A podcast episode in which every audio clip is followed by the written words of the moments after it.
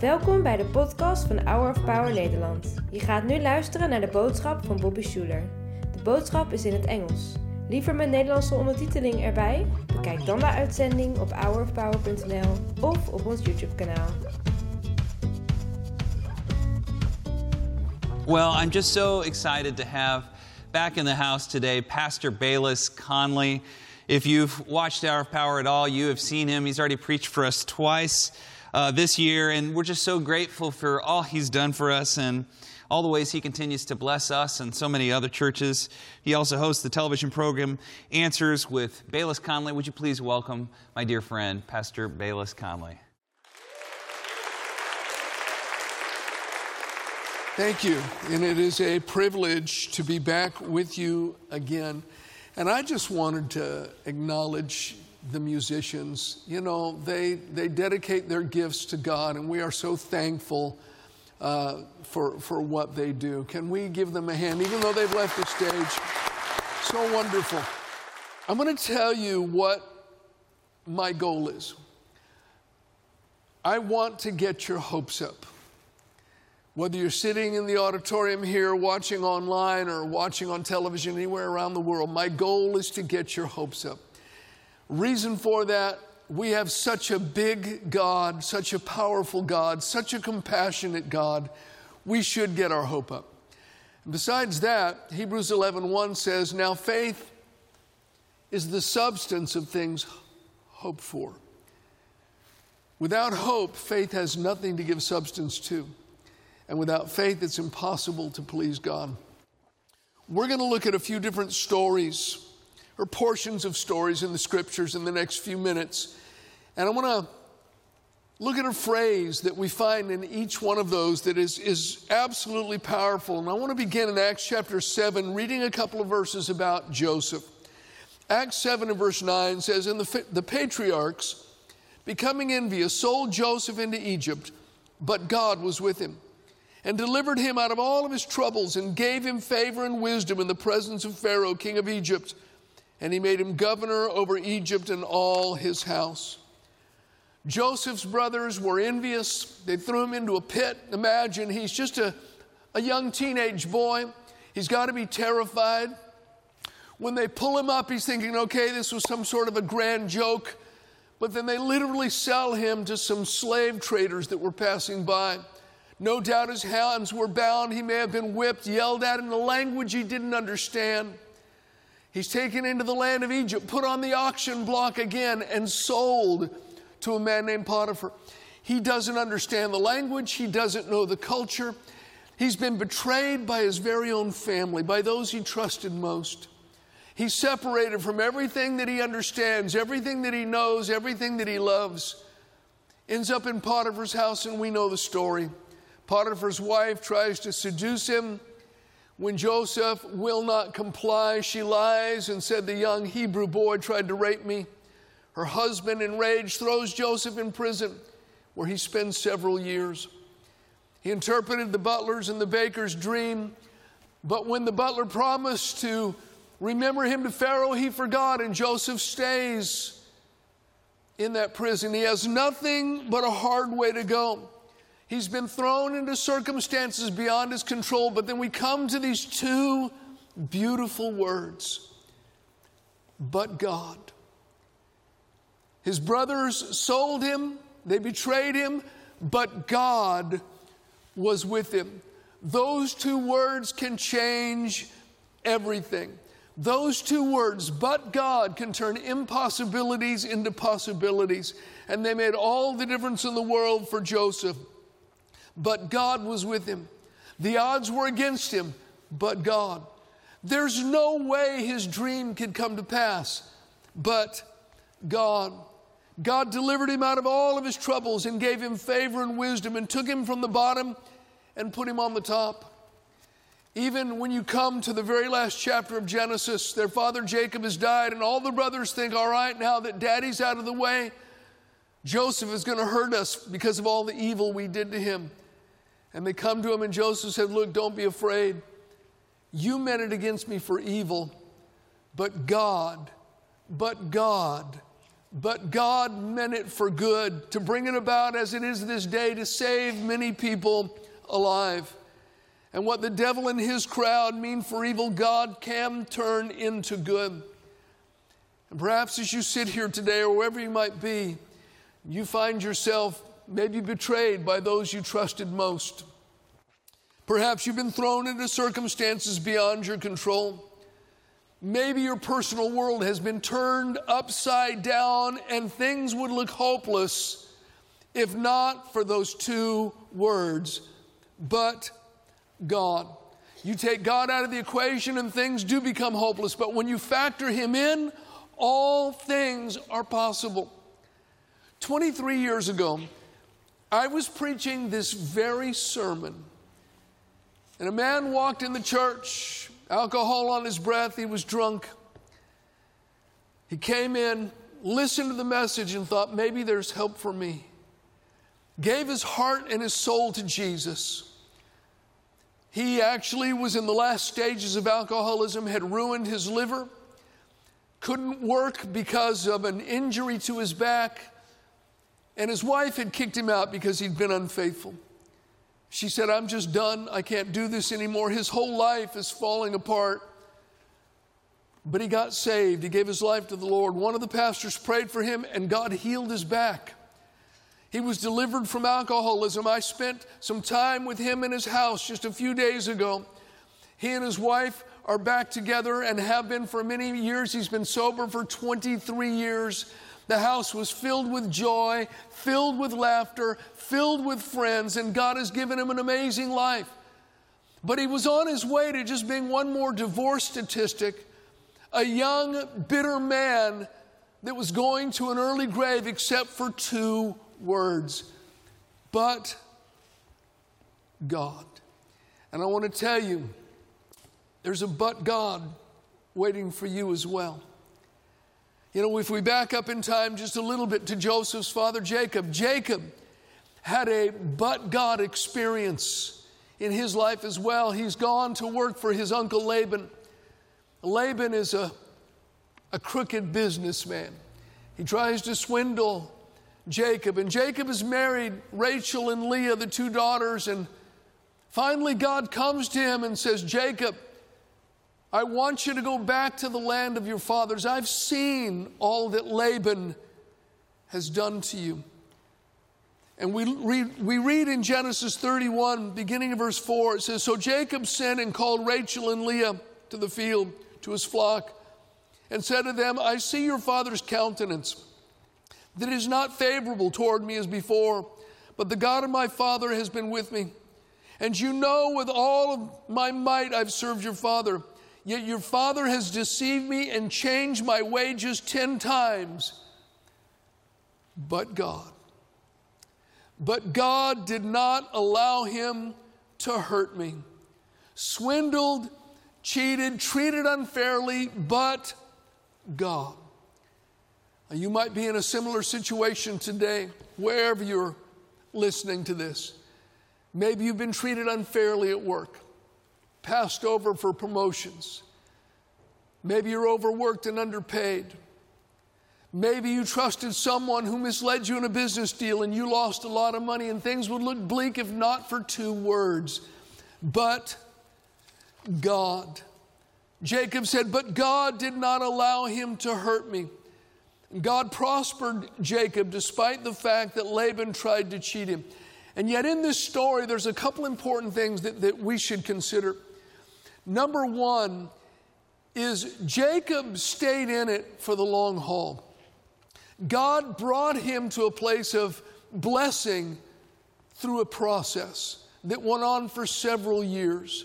We all love it when one of the suddenlies of God happens, and we read through the scriptures, and sometimes it says, Suddenly the Lord did this or that, and we love it.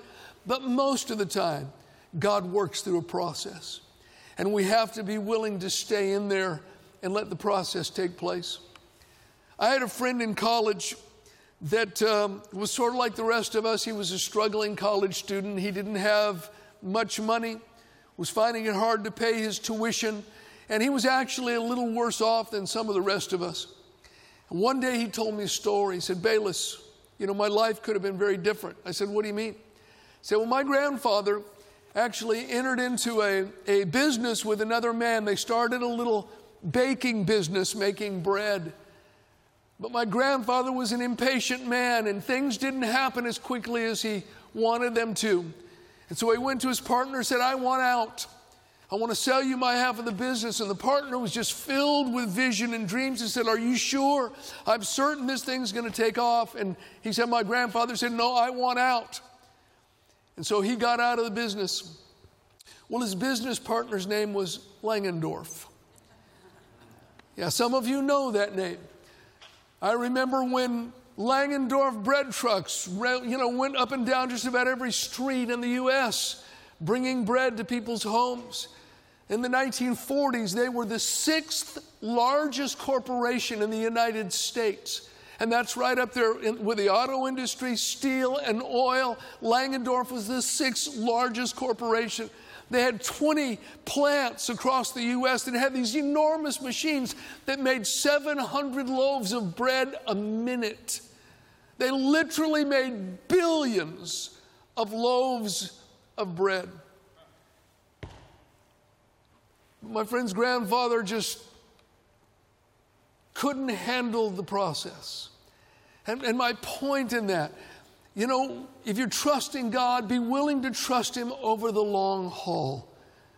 Let Him do the process. And the other thing that we find connected with this but God experience of Jacob, and it's actually in the same chapter in Genesis 31 as God's talking to him.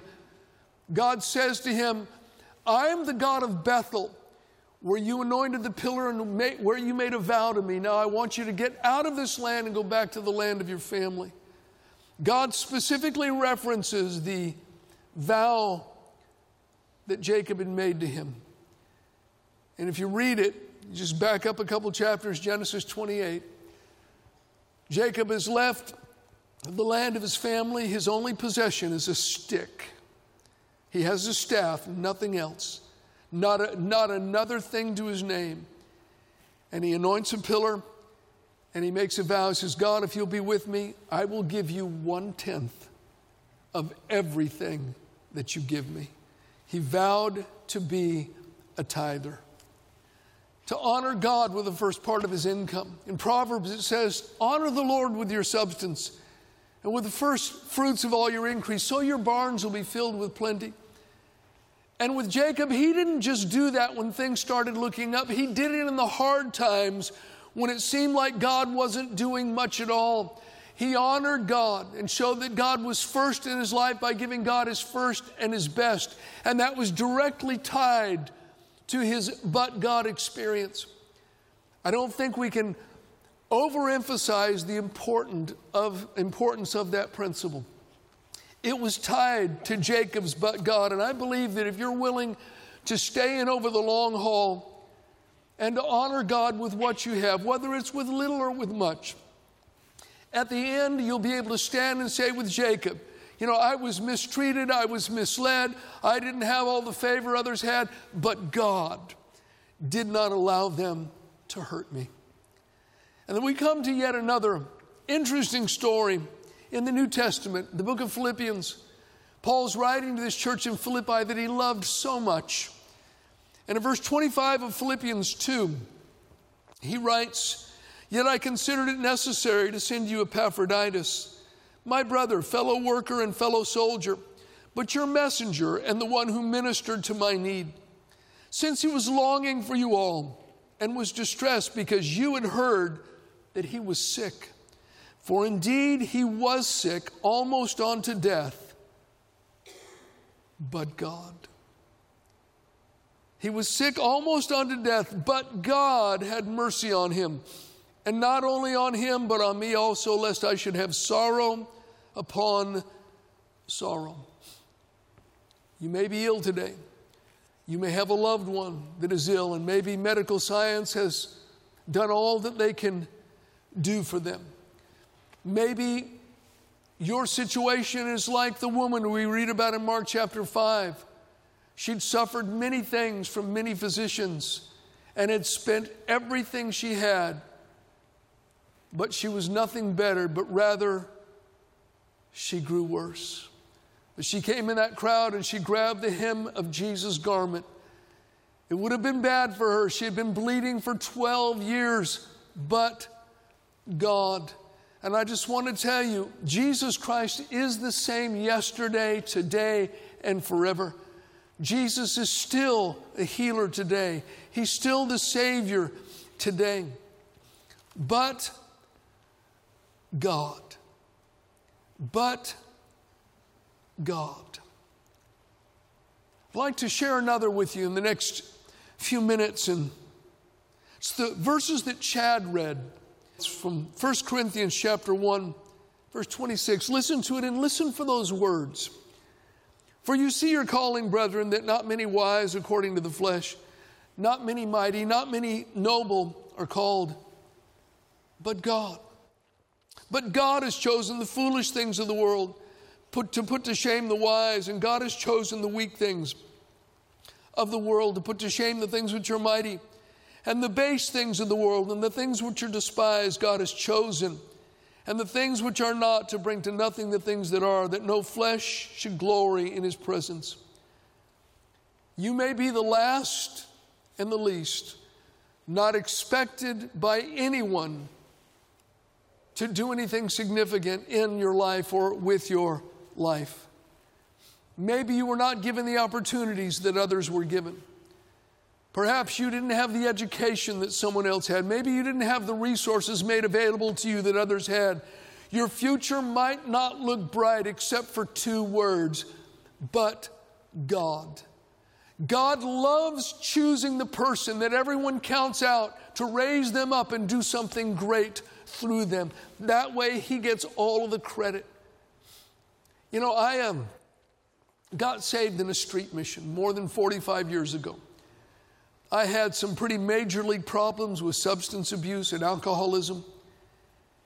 And I was the only one that came forward when the invitation was given, and I gave my life to Jesus. And I started going to a little church in town. And the truth is, is not many people would even speak to me. Most of them were afraid of me. I looked so different than they did. I had long hair. I used to weave feathers into my hair. I had a long beard. And most people in the church avoided me. But there were a couple people that were kind to me and kind of took me under their wing and were trying to help me. And one of the leading Christians in town went to them and said, Listen, that guy Bayless that you're spending time with, don't bother. He's a lost cause. He'll never amount to anything. I'm telling you, you're spinning your wheels. If you want to sow into someone's life, find someone else besides that guy. He's a loser. You know what? I'm glad God didn't look at me that way. God looked down and said, Boy, that, that boy's got some problems. I can do something with him. Because if anything happens with his life, everybody's going to know it wasn't him. But God. God wants to do something through your life as well, my friend.